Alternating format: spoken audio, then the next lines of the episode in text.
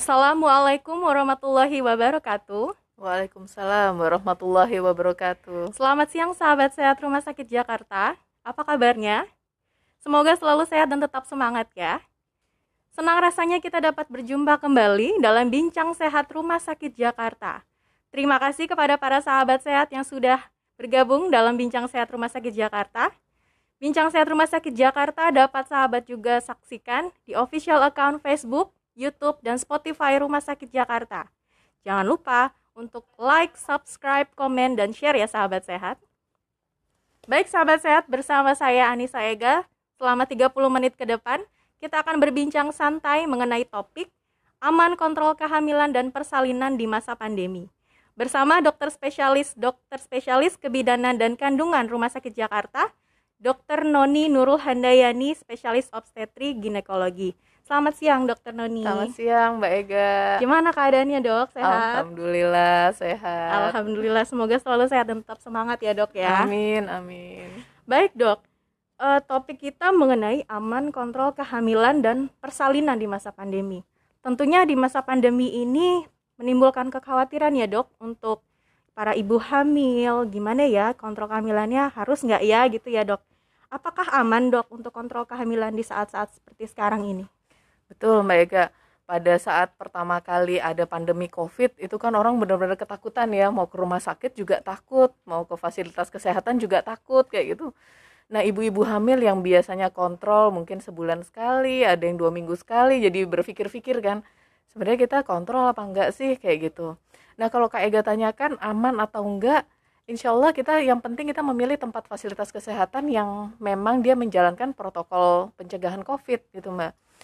Nanti memang kalau dari perhimpunan obstetri dan ginekologi itu dikatakan untuk kontrol kehamilan itu memang hanya pada kondisi-kondisi tertentu. Artinya tidak semua kondisi mungkin yang hanya ringan-ringan saja itu mungkin masih bisa ditunda nanti ada beberapa kondisi yang memang mengharuskan pasien itu untuk kontrol. Nanti kita bahas di berikutnya ya Mbak Ega ya. Cuma intinya kalau yang Kak Ega tanyakan apakah memang aman? Insya Allah aman. Yang penting di mana kita memilih tempat fasilitas kesehatannya itu. Oke baik. Kalau upaya-upaya yang Rumah Sakit Jakarta uh, uh, lakukan untuk fasilitasnya itu apa aja ya dok ya? Iya. Kalau saya melihat di Rumah Sakit Jakarta ini kita untuk screening terhadap pencegahan COVID itu sudah dimulai sejak di depan nih Mbak Ega. Hmm. Jadi mulai pasien datang itu sudah di dengan termogan diukur suhunya. Kemudian mulai di screening jika ternyata dia ada demam maka pasien itu akan diarahkan untuk melalui instalasi gawat darurat. Sedangkan untuk pasien yang sehat jadi yang tidak demam dia bisa langsung ke ruang poliklinik dan ruang poliklinik kebidanan kita tempatnya itu tersendiri Mbak Ega. Hmm. Jadi di lantai dua itu berhadapan-hadapan dengan ruang poli anak. Jadi kita tempatnya tersendiri tidak gabung dengan poli-poli lain yang mungkin infeksius gitu ya. Kalau poli pasien-pasien kebidanan kan insya Allah maksudnya pasiennya sebenarnya sehat, hmm. cuma memang lagi hamil aja gitu. Jadi kita polinya juga terpisah. Kemudian ruang rawat inapnya kita juga terpisah. Kita ada ruangan namanya Dahlia. Di sana khusus yang untuk ibu-ibu bersalin di sebelahnya ada ruangan anak, ada ruangan perina dan ruangan apa rawat inap untuk anak. Jadi nanti ruangan kamar bersalinnya kalau kita sebutnya VK itu juga tersendiri. Jadi semuanya dia disendirikan. Jadi tidak bertemu dengan pasien-pasien infeksi yang lain. Setelah itu setelah melahirkan ruangan rawatnya juga sendiri. Jadi insya Allah lebih terjamin lah gitu Mbak Ega. Oke.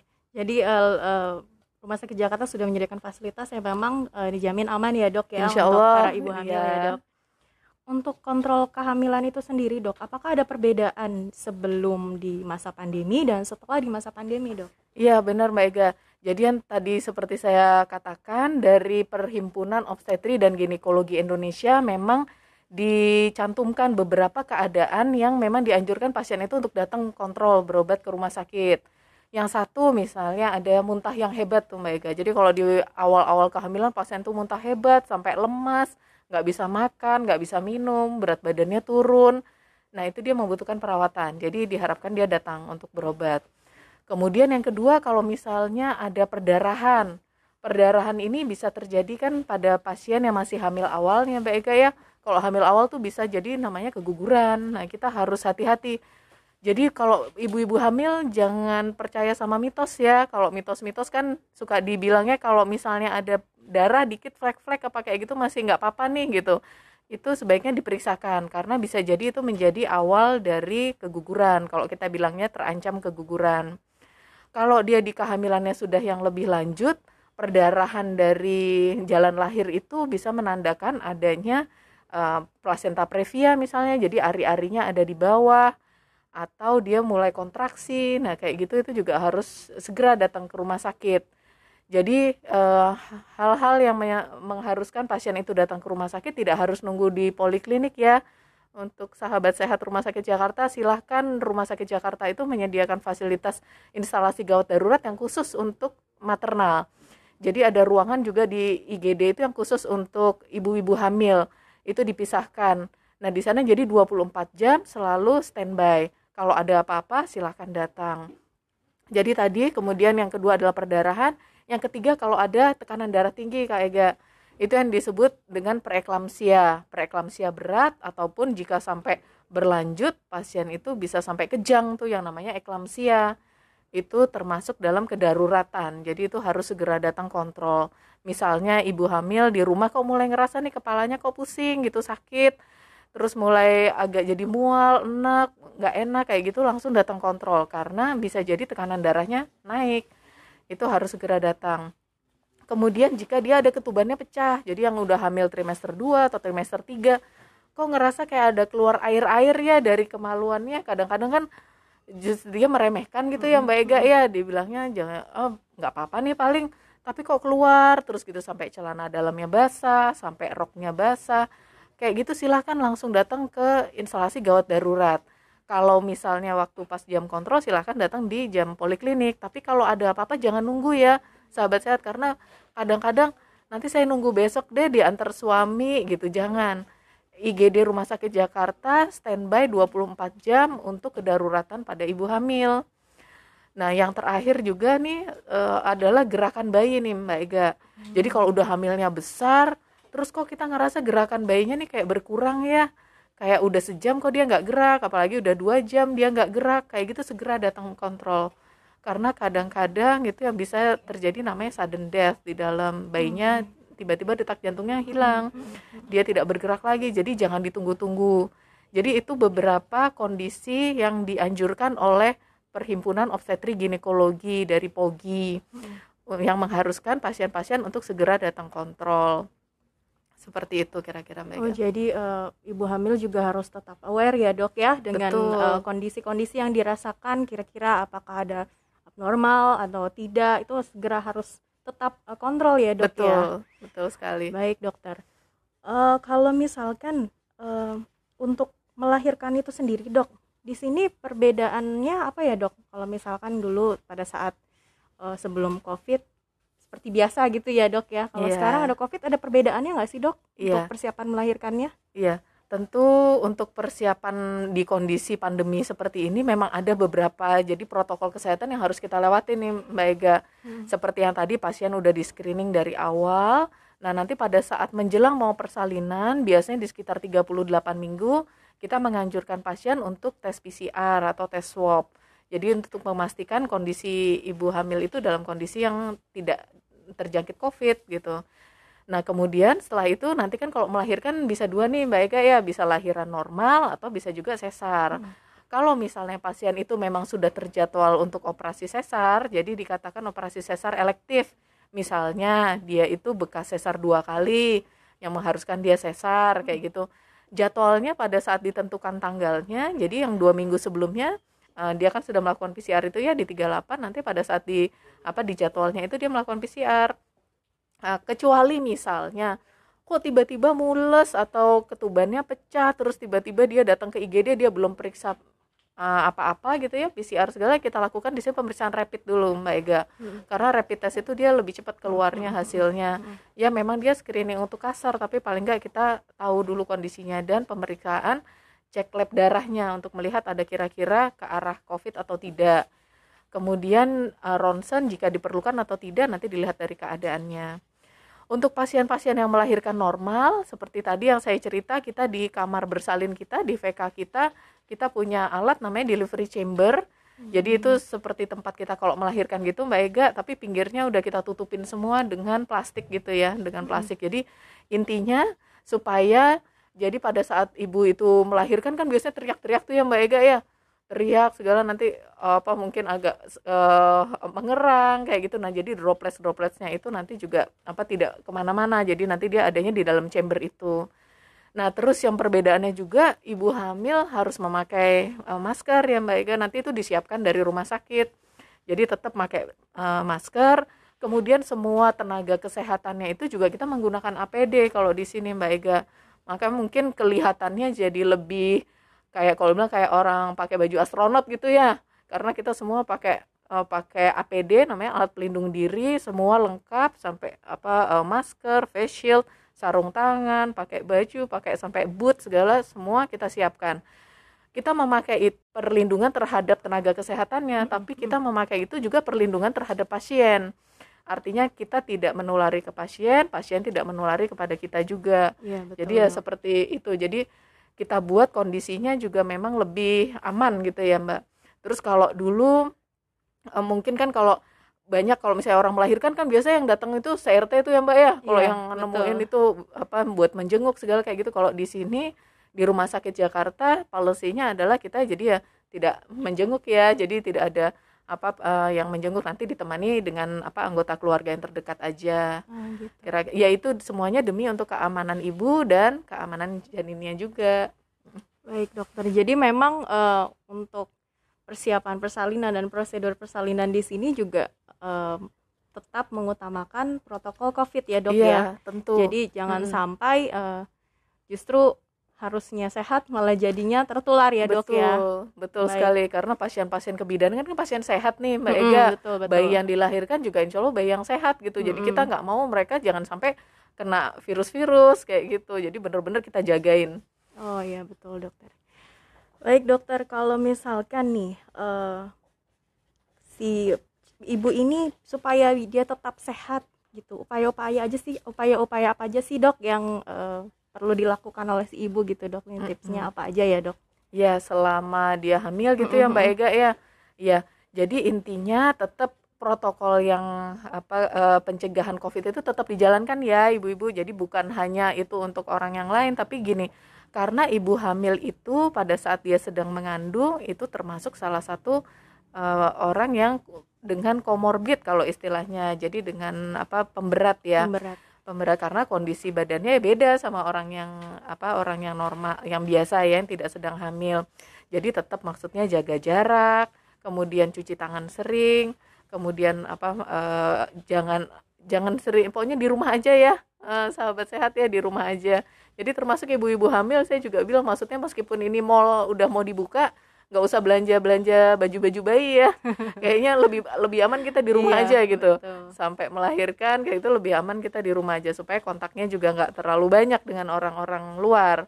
Kemudian untuk menjaga kesehatan ya nutrisi yang paling penting nih mbak Ega nutrisi. makannya. Mm makannya ibu hamil itu kira-kira membutuhkan makanan yang lebih banyak dari orang yang tidak hamil kira-kira gampangnya kayak satu sepertiga kalinya lah dari yang sebelumnya dia kalau lagi tidak hamil.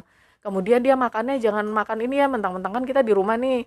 Di rumah biasanya pada ini aja ya kak. Apa mesen aja ya. Makanan-makanan tuh kan dipesan-pesan gitu. Cuman mesennya juga lihat-lihat ya. Harus yang bersih jangan makanan yang junk food junk food. Jangan yang fast food. Terus makan mungkin mie instan mie instan kayak gitu ya. Tetap kita makannya fresh fresh kalau misalnya bisa karena kita di rumah kan kita banyak waktu nih. Iya. kita bisa masak-masak segala uh. gitu ya bisa bikin makannya dari dari daging, ayam, telur, ikan, buah sayur, tetap terus minum susu juga gitu. Kemudian jangan lupa vitamin-vitaminnya hmm. juga diminum, Mbak iya, Terus juga kena sinar matahari ya, jangan karena kita di rumah aja, udah nggak pernah keluar-keluar, tapi coba kena sinar matahari uh, sekitar 15 menit, mungkin sekitar jam 10-an gitu kita kena dulu di teras gitu ya. Terus kalau uh, ditanyakan apa olahraga itu juga membantu sih Mbak Ega cuman tetap ya sahabat sehat olahraganya juga tetap harus harus jaga jarak jadi kalau misalnya jalan kayak di jalan di komplek apa kayak gitu sama suami gitu boleh tapi tetap pakai masker pakai face shield jaga jarak gitu ya sehari kira-kira 30 menit sampai satu jam itu akan sangat membantu kesehatannya. Baik, dokter. Jadi memang uh, untuk untuk tetap sehat di masa pandemi ini tuh memang uh, banyak ya, Dok ya. Dan iya. memang memang itu perlu jadi mm -hmm. sahabat sehat. Jadi memang harus tetap pakai masker, jaga jarak ya gitu ya meskipun kita masih uh, kita masih new normal ini kita katanya ya Betul. dok ya jadi new normal tapi tapi kita tetap harus uh, menjaga protokol kesehatan uh, untuk terhindar dari penularan covid baik sahabat sehat kalau ada yang mau bertanya uh, kami persilahkan karena seru sekali nih pembicaraan saya dengan dokter Noni pertanyaan dari followers kami persilahkan uh, dari KW 123 uh, Dok, apakah ibu hamil memang lebih berisiko terinfeksi virus corona karena daya tahan tubuhnya cenderung lebih lemah? Iya, benar. Maksudnya jadi kalau ibu hamil itu memang kita kondisi badannya beda ya sama kita lagi belum hamil. Pada saat itu kondisi daya tahan tubuh kita cenderung lebih turun. Ya, ya apalagi ditambah ibu hamil makannya jadi susah, muntah-muntah kayak gitu ya. Nah itu juga biasa terus jadi cenderung anemia jadi kurang darah kayak gitu cenderung daya tahan tubuhnya akan turun. Nah itu lebih rentan maksudnya untuk terkena virus. Makanya ibu hamil itu juga tetap harus dijaga nih Mbak Ega. Maksudnya pokoknya jangan keluar-keluar deh di rumah aja hanya keluar maksudnya untuk yang perlu misalnya kontrol kehamilan kayak gitu ya, jadi ya tetap dijaga terus pakai maskernya cuci tangannya kayak gitu ya okay. terus Iya mungkin kan ada yang nanya juga ya Mbak Ega ya, mm-hmm. maksudnya kenapa sih kok kita uh, harus tetap kontrol gitu ya? Mm-hmm. Soalnya ada pasien saya tuh udah tiga bulan sama sekali dia nggak mau kontrol gitu karena sama sekali nggak mau nyentuh ke rumah sakit gitu saking takutnya gitu ya. Takut sekali uh, uh, kan dari kalau berita-berita di medsos yang kita dengar tentang covid itu kan serem banget tuh mbak Ega betul betul maksudnya orang buat datang ke rumah sakit aja tuh kayaknya mikir puluhan kali gitu ya kalau nggak penting banget dia nggak mau datang cuma ya memang tadi selain hal-hal yang mengharuskan apa pasien itu untuk kontrol juga tetap perlu kita untuk melihat perkembangan janin ya Mbak Ega. Mm -hmm. Jadi ada juga tuh pasien yang tiba-tiba udah lama nggak kontrol waktu datang, eh ternyata kok kita nggak lihat nih ya detak jantung bayinya. Atau ada juga yang waktu datang kita kita melihat ternyata ukurannya jauh lebih kecil nih dari yang seharusnya usia kandungannya.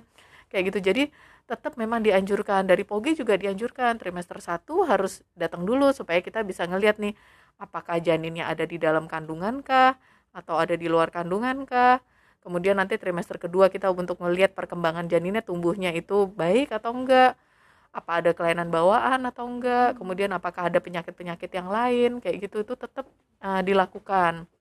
Oh, tapi memang kalau misalnya kondisinya dia baik memang um, frekuensinya tidak sesering seperti dulu ya pada hmm. saat kita hmm. belum pandemi. Itu bisa apa lebih dijarangkan waktunya. Jika kondisinya baik jadi tidak ada keluhan kayak gitu di trimester 2 boleh oh mungkin yang sebulan ini masih oke okay nih kita ditunda dulu gitu. Misalnya itu masih nggak apa-apa. Tapi jangan nggak kontrol sama sekali. Ya itu jangan. Ya jadi harus sesuai anjuran dokter ya, ya jadi jangan sampai nggak sama sekali kontrol ya, gitu ya betul. dok ya. Karena bahaya juga ya dok untuk si ibu dan janinnya ya, ya benar baik dokter. Uh, untuk pertanyaan ada saya ada pertanyaan dok. Untuk jadwal kontrol yang seharusnya itu ya uh, berapa lama dok? Hmm. Kalau dulu kan pada saat sebelum uh, pandemi gitu ya Mbak Ega ya kita kan waktu trimester pertama kita kontrol satu bulan atau dua minggu untuk yang pasti kita harus menentukan dulu janinnya itu memang ada tumbuh di dalam kandungan. Hmm. Jadi tidak bukan ada kehamilan ektopik gitu ya kehamilan di luar kandungan. Setelah itu kita bisa kontrol sebulan sekali. Nanti kalau sudah 32 minggu kita kontrol dua minggu sekali, setelah 36 minggu kita kontrol seminggu sekali. Tapi pada saat pandemi memang kalau rekomendasi dari POGI di trimester satu paling tidak satu kali. Trimester nah, satu trimester satu kali satu ya minimal dok ya, ya minimal. Berarti tiga bulan pertama ya tiga dok bulan ya? pertama itu minimal satu kali dulu satu untuk kali. untuk melihat dulu uh. bahwa memang ada janin di dalam kandungan. Dan berkembang ya dok dan ya, berkembang. Uh detak jantungnya uh, kita lihat itu tumbuhnya tempatnya bagus tidak ada kelainan-kelainan lainnya maksudnya rahimnya bagus yang lain-lainnya bagus kayak gitu nanti di trimester kedua itu tergantung keadaan. nah, oh baik. ya eh, saya tambahkan juga di situ nanti ada cek laboratorium ya Mbak Cek Ega ya, cek lab untuk tentu. screening ya, Iya. untuk melihat apakah ada anemia atau enggak Oh, kayak gitu baik. ya. Kemudian melihat apakah ada diabetes mellitus dalam kehamilan atau enggak Hmm. ataukah ada tanda-tanda ke arah preeklamsi seperti itu. Nanti di trimester kedua paling nggak dia juga mi- satu kali. Tapi kecuali misalnya dokternya ngelihat kok ini bayinya tumbuhnya nggak bagus nih ya, nggak Mm-mm, sesuai nih, jadi datang apa harus satu bulan lagi datang lagi kayak gitu dilihat ya diikutin aja karena masing-masing orang akan berbeda. Nanti pada saat sudah menjelang persalinan ya itu memang harus kontrolnya lebih rutin Lebih karena yang rutin. itu yang tadi saya bilang ya kita di 38 minggu sebaiknya dilakukan swab. Swab. Ya. Baik, kita ke pertanyaan followers berikutnya. Eh, banyak banget nih dok yang nanya Iya. sepertinya. Dok, amankah apabila ada seorang ibu melakukan transfusi darah pasca melahirkan se- secara operasi? Oh iya. Ya, setelah sesar, Maksudnya secara sesar habis gitu, sesar mendapatkan transfusi ya. Oh, iya. Nah, mendapatkan transfusi darah itu tergantung keadaan, Mbak. Maksudnya gini, setelah operasi biasanya kita akan memeriksakan lagi kadar HB-nya, HB, kadar oke. HB-nya. Apakah HB-nya rendah banget atau enggak? Hmm. Dan selain kadar HB itu misalnya kita berpatokan biasanya dia di sekitar 8. Kalau kurang dari 8 tapi kita harus melihat dengan tanda-tanda keadaan ibunya. Misalnya jantungnya gimana? Apakah dia ada eh, eh, detak jantungnya yang meningkat atau enggak? Terus kondisi ibu secara umumnya seperti apa? Nanti dokternya akan menilai. Menilai. Seandainya nanti sudah dilakukan penilaian, kemudian memang eh, harus dilakukan transfusi, ya udah sebenarnya nggak apa-apa karena transfusi itu darah yang kita dapat dari PMI itu juga apa sudah di screening, maksudnya terhadap infeksi-infeksi virus HIV, hepatitis kayak gitu ya. Jadi kita nggak sembarangan kok memberikan transfusi kepada pasien ya itu kecuali dalam keadaan terpaksa banget karena kalau tidak dilakukan transfusi mungkin akan membahayakan ibunya kondisinya Eh, karena kalau pasien anemia itu bisa beresiko terhadap kontraksi rahim Hmm.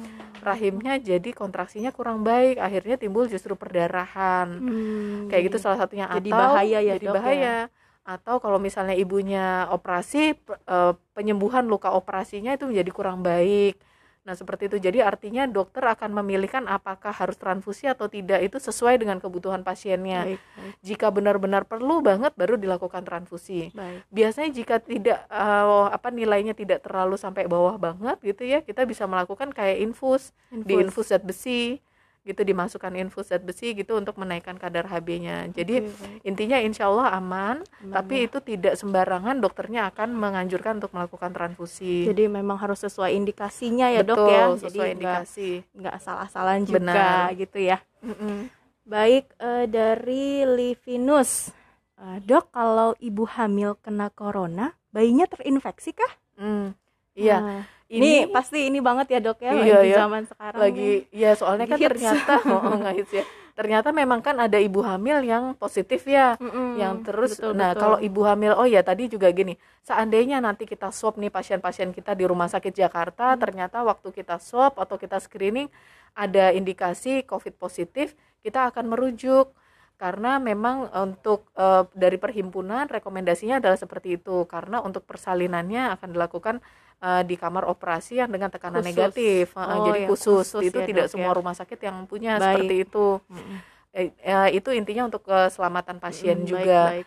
Kalau dikatakan apakah ibunya apa namanya kalau ibunya positif apakah bayinya pasti positif sampai sekarang itu masih dilakukan penelitian Hmm. sampai sekarang dikatakan tidak ada transmisi dari ibu misalnya ibu positif dia transmisi gitu ya lewat apa ari-arinya gitu Eh, itu tidak ada sampai sekarang tapi ini penelitian masih ongoing jadi artinya masih Hmm. terus berlanjut Baik. yang terakhir dikatakan ada bayi yang waktu dilahirkan kemudian jadi positif ternyata waktu di swab itu ada positif Mm-mm. ternyata waktu ditelusuri itu ada kontak memang jadi Oh. setelah dia melahirkan dia ada kontak maksudnya Kontak jadi kalau misalnya ya, Dok? pasien ya terhadap ibu atau Heeh. terhadap nakes ya Oh, Ah, nakesnya. ah, nakes itu tenaga kesehatan yang mungkin membantu di sekitarnya jadi maksudnya kalau ibu hamil positif dia ya kalau misalnya nyusuin nanti ada prosedurnya lagi nih Oh, ah, baik. mungkin dokter Triana waktu itu juga cerita juga tuh ya jadi maksudnya kontaknya gitu ya harus pakai face shieldnya segala kayak gitu Oke, jadi memang eh, belum ada penelitian yang sampai membuktikan sekarang ya dok sampai ya. sekarang penelitiannya membuktikan tidak tidak ada Jadi transmisi ibu ke Kalaupun bayi eh, ter- ternyata bayi itu bayinya terinfeksi mungkin karena Bias- kontak dengan tenaga betul. kesehatan yang atau menangani ibunya. Ha, ibunya. karena kan biasanya misalnya maksudnya kita belum tahu nih ibu hamil itu waktu dia melahirkan dia positif atau enggak kan kadang-kadang Mm-mm. namanya ibu mau melahirkan kan nggak tentu waktunya iya betul Toto dia lahiran gitu terus kan udah menyusui udah segala pada eh, pada saat hasil swabnya keluar ternyata ibunya positif gitu Hmm, iya, nah itu betul. bisa kan udah terjadi kontak juga sudah gitu ya dengan ya. apa dengan bayinya ya kira-kira Baik. seperti itu Baik dokter. Berikutnya dari Maragung 116. Dok mau tanya, istri saya istri saya itu kan udah 14 tahun kosong, artinya belum hamil. Terus sekarang mau program anak lagi, kiat-kiatnya apa ya dok? oh iya Oh yang mau program hamil Ah, ini jadi dok. ini udah pernah punya Allah ya. anak terus 14 tahun apa belum Oh, hamil-hamil belum lagi nih hamil ya lagi. Ya kalau itu kita menyebutnya jadi infertilitas sekunder gitu. Oh, jadi maksudnya dia udah pernah punya anak tapi habis itu belum punya anak lagi nih udah Hmm. 14 tahun. Tetap itu protokol pemeriksaan infertilitasnya kita jalankan dari awal juga. Jadi artinya ibunya diperiksa, suaminya juga diperiksa. Kalau untuk si istri kita juga periksa adalah HSG namanya hysterosalpingografi untuk tahu apakah saluran telurnya terbuka atau ada sumbatan. Kemudian untuk suaminya kita periksa spermanya juga. Nanti jangan suaminya bilang saya kan udah pernah punya anak dok sperma saya berarti bagus dong gitu. Ya itu kan 14 tahun yang lalu ya. Iya, mungkin betul. aja sekarang kan ya bapaknya mungkin capek, Hmm, kerjanya capek, iya. pulang pergi pagi pulang malam, di jalanan kena apa radiasi, polusi segala macam kayak gitu bisa aja kualitas sperma itu juga berkurang Betul. sama juga apa eh, si istrinya nanti dengan bertambahnya usia jumlah eh, ovumnya ya sel telurnya kita juga harus tahu tuh cadangan sel telurnya berapa. Nanti tuh ada pemeriksaan ya mbak. Jadi intinya kalau misalnya mau program nih pak datang ya suami sama istri dua-duanya. Nanti dua-duanya harus kita periksa. Jadi nggak bisa cuma salah satu aja. Programnya nanti akan kita lakukan pemeriksaan itu HSG kemudian sperma analisa dan untuk istri kita melakukan pemeriksaan USG untuk ngelihat ada kelainan nggak di organ kandungannya. Oke. Jadi memang eh, cukup panjang ya dok ya untuk bisa eh, Iya, tapi insya Allah ini bisa maksudnya. Bisa ya, Jadi Dok, jangan, ya? heeh, jadi jangan, putus patah asa. semangat ya. Heeh, betul, jangan putus asa. Baik, terima kasih. Dok, apakah masa pandemi ini aman untuk program kehamilan dari Handayani Tri? Oh iya, eh namanya sama kayak saya ya belakangnya jadinya. Iya, jadi kalau dikatakan aman atau enggak, memang kemarin itu waktu di awal-awal pandemi itu sempat di kayak di hold gitu ya. Jadi Ah. orang-orang yang mau program tuh pada nggak berani datang tuh Ah, karena memang nggak mau datang. Hmm. Cuman kalau sekarang kan memang namanya new normal New ya. normal. Sebenarnya ya new normal itu seperti kemarin kalau dokter Syahrizal yang udah jelaskan gitu sih ya Mbak ya. Iya. Maksudnya bukan semuanya balik lagi ke awal Uh-uh, ini lagi ya, cuma tetap kita melakukan protokolnya, Protokol. keamanannya tetap dijalankan. Jadi orang yang mau untuk program kehamilan silakan datang, nggak apa-apa. Nanti kan kita jadwalkan kan kapan dia harus melakukan tes, kapan dia melakukan apa cek lab, kapan untuk USG folikel kayak gitu misalnya. Tapi dengan protokol kesehatannya tetap semuanya kita jalankan, Mbak. Artinya dokter-dokternya kita juga semua pakai APD, uh, perawat-perawatnya, bidan-bidannya juga pakai APD, pasien juga kita haruskan pakai masker, kayak gitu tetap aja. Tetap ya dok. Jadi ya? tetap kayak apa kita melakukan inseminasi juga tetap kita lakukan uh, program pasien-pasien dengan perlu bayi tabung itu juga udah dilakukan lagi sekarang laparoskopi segala udah jalan lagi tapi semuanya ya new normal itu Iya. new normalnya artinya ya dengan uh, protokol kesehatannya kita jalanin semua Iya betul. Jadi tetap harus protokol itu tetap harus dijalankan ya Iya, dok meskipun betul. udah new normal. Uh-uh. Berikutnya dari Sri Rahayu, dok, apakah apa yang harus dipersiapkan saat mau melahirkan di rumah sakit? oh iya Ah, kalau uh, lagi Bu kondisi Sri. sekarang ya persiapan Iya, lagi persiapannya. Yang pertama persiapan mental ya. Persiapan mental namanya kita mau melahirkan ya. Persiapan mental, berdoa, berzikir kayak gitu ya. Terus yang berikutnya yang dalam masa pandemi ini ya memang jadi yang ditambahannya itu adalah APD ya, Mbak ya. APD-nya itu tetap artinya ibu hamil yang mau melahirkan itu ya tetap harus pakai masker ya. Jadi jangan nanti ibu rasa saya ngap banget nih dok kan biasanya narik napas segala kayak gitu ngap nih pakai ini terus dibuka kayak gitu jangan ya Iya. karena kita tetap harus pakai APD terus eh, kalau persiapan-persiapan yang lain mengenai kayak apa namanya eh, kayak baju segala macam sih itu eh, relatif biasa dan itu biasanya kalau di rumah sakit Jakarta kita siapin semua tuh jadi ibu datang datang aja sebenarnya nggak apa-apa Iya. Cuma persiapan yang lain juga eh, jangan lupa swabnya itu nanti Swab. dokternya akan menyarankan waktunya kapan waktunya untuk swab. Kalau pasiennya lahiran rencana lahiran normal ya 38 minggu kita swab. Kalau pasiennya udah rencana mau operasi kita swab pada saat menjelang tindakan operasinya itu. Gitu sih Mbak Ega Gitu kira-kira. ya, kira-kira begitu ya dok.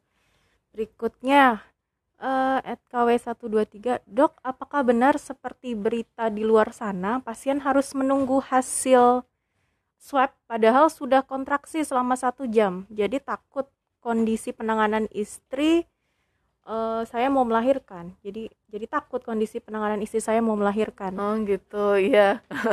kalau nama ibu hamil nggak bisa ditunda ya Mbak Ega ya. Maksudnya kalau Iya. kita udah mau ngeden ya ngeden aja Iya, ya jadinya ya. benar. Memang jadi eh, maksudnya pemeriksaan swab itu adalah protokol yang maksudnya paling baik gitu ya untuk kita mengetahui apakah pasien itu memang ada COVID positif atau Mm-mm. enggak. Tapi ternyata misalnya kayak saya saya cerita udah mules-mules nih ketubannya udah pecah. Ya udah datang aja ke IGD. Ya memang yang kita lakukan adalah tes rapid meskipun itu tidak bisa eh, memungkiri bahwa jangan-jangan tes rapidnya negatif, ternyata waktu kita swab ternyata dia positif. Itu Mm-mm. bisa terjadi seperti itu. Tapi artinya ya udah namanya orang mau melahirkan kita nggak mungkin jangan keluar dulu nih, jangan kontraksi dulu gitu kan nggak mungkin. Ya udah tetap di apa tetap berjalan tapi kita APD-nya. Jadi kita tetap memperlakukan sebagaimana kalau dia kalau kalau dia positif gitu. Jadi kita tetap misalnya pakai delivery chamber supaya menjaga ibunya juga apa eh, dalam kondisi yang terjaga, nakesnya juga dalam kondisi yang terjaga, APD-nya kita APD lengkap semua tetap seperti itu. Jadi apa pun hasilnya, maksudnya kita nggak mungkin kan nungguin hasil swab jangan-jangan dua hari tiga hari gitu masa kontraksi terus nggak jadi nggak jadi lahiran gitu Iya, kan nggak mungkin. Tapi intinya yaitu jadi kita melakukan penanganan apa eh, fasilitas kesehatannya kita pakai tetap yang lengkap semuanya APD-nya tetap ya dok mau eh, eh, kita pikir positif covid atau enggak tetap harus Ya, tetap karena hasilnya kan belum keluar Karena hasilnya nih. belum keluar ya. Heeh. baik dok pertanyaan terakhir nih dok. Dari Rere Setiawan. Kalau mau kontrol ke rumah sakit Jakarta di era pandemi ini apa yang harus kita siapkan dok? Ya nah. Heeh. Kalau kontrol ke rumah sakit Jakarta, kita sebenarnya ya udah di screening ya kak ya. Mm, Jadi nah, dari awal di depan gitu. Jadi artinya gini, kalau misalnya ibu-ibu ngerasa kok saya demam ya gitu, udah ini ya udah mung- kemungkinannya akan nanti langsung diarahkannya ke instalasi gawat darurat. nggak apa-apa sih sama aja. Di sana nanti ketemu dokternya juga. mm-mm. Cuma jadi itu dipisahkan tempatnya. Kita punya tempat sendiri tuh untuk tempat yang ponek namanya. Jadi untuk ibu hamil di IGD. Nanti sama aja dokter kandungannya juga datang. Persiapan yang lainnya jangan lupa pakai masker ya. Eh, pakai masker jadi jangan dibuka buka gitu maskernya ya. Eh, terus juga apa misalnya ada yang mau pakai facial silahkan. Cuman yang intinya pakai masker, selalu cuci tangan. Kita sediakan di Rumah Sakit Jakarta hand sanitizer di berbagai tempat ya kalau habis mencet-mencet apa lift atau apa langsung cuci tangannya kemudian tetap jaga jarak tapi kalau memang di rumah sakit Jakarta kita udah tempatnya udah kita pisah-pisahkan semua ya Mbak Ega ya. Kursi tunggunya juga dibikin berjarak terus pasien-pasien juga dibikin supaya nggak langsung jadi nggak antri nggak berjubel gitu ya. Itu udah disiapkan diatur ya, udah Dok, ya? diatur. Jadi ya Baik. seperti itu. Insya Allah mudah-mudahan jadi lebih aman buat kontrolnya. Baik, terima kasih dokter. Jadi eh, kita review ya dok sedikit ya dok. iya. Eh, jadi kalau misalkan untuk eh, persiapan pada saat kita mau ke rumah sakit, mau kontrol kehamilan, tetap ya dok harus tetap pakai masker, betul tetap harus eh, dijalankan jangan ya. protokol cuci tangan. Nah, rumah sakit Jakarta juga sendiri sudah ini ya dok ya. Oh udah Heeh. udah siap kalau kita siap. hand sanitizernya banyak di mana-mana gitu ya Heeh. jadi jangan lupa silakan dipakai aja Nah, tips dari dokter nih, eh, ya tips aman kontrol kehamilan dan persalinan di masa pandemi COVID Mm-mm. ini apa aja ya dok ya? Iya. Intinya jadi untuk ibu-ibu hamil yang apa sedang menjalani kehamilannya atau menjelang persalinannya silakan kalau kontrol. Yang penting pilih fasilitas kesehatan yang menjalankan protokol pencegahan COVID. Nah itu bisa dipilih. Jadi di rumah sakit mana nih? Dan kita sudah harus netepin ya. Jangan nanti tiba-tiba udah tinggal mau lahiran baru bingung gitu mikirnya rumah sakit mana nih yang aman gitu ya. Maksudnya silahkan teman sahabat sehat bisa lihat nih rumah sakit mana sih yang kira-kira dia menjalankan protokol penanganan pencegahan COVID. Salah satunya di Rumah Sakit Jakarta kita juga sudah menerapkan protokol itu. Itu sih, jadi jangan ragu-ragu untuk kontrol kehamilan, silahkan terutama jika tadi ada hal-hal yang memang mengharuskan. Baik. untuk kontrol. Baik, jadi eh, hampir kurang lebih almost 30 30 menit nih ya, Dok ya kita Oh, berbincang iya. terkait eh, aman kontrol kehamilan dan persalinan. Jadi pertama memang kita harus siapin mental dulu ya, Dok ya kalau mau persalinan tentu juga harus memilih fasilitas kesehatan yang aman yang memang menjalankan protokol kesehatan. Iya. Kemudian eh, apabila mau kontrol kontrol kehamilan juga tetap harus eh, dijalankan ya dok ya jangan sampai malah itu membahayakan janinnya Betul. dalam kondisi-kondisi eh, misalkan ada kegawatan janin ya dok ya Betul. atau eklamsi gitu ya dok ya. Kemudian nah rumah sakit Jakarta juga sudah memiliki chamber deliver tadi ya dok ya Iya, itu saya delivery chamber. saya bold sekali tuh entah mungkin rumah sakit lain eh, sudah ada tapi eh, rumah sakit kita sudah eh, sudah menetapkan eh, fasilitas kesehatan tersebut baik dokter sebenarnya banyak banget sih yang memang harus kita bahas sih kalau menyangkut ibu hamil dan bersalin ya dok ya. Iya, Mbak. Eh, baik sahabat sehat terima kasih atas eh, kesempatannya bergabung dalam bincang sehat kita kali ini. Semoga bermanfaat. Saya Anissa Ega dan Dokter Noni. Kami undur diri. Semoga eh, kita bisa berjumpa lagi dalam bincang sehat berikutnya.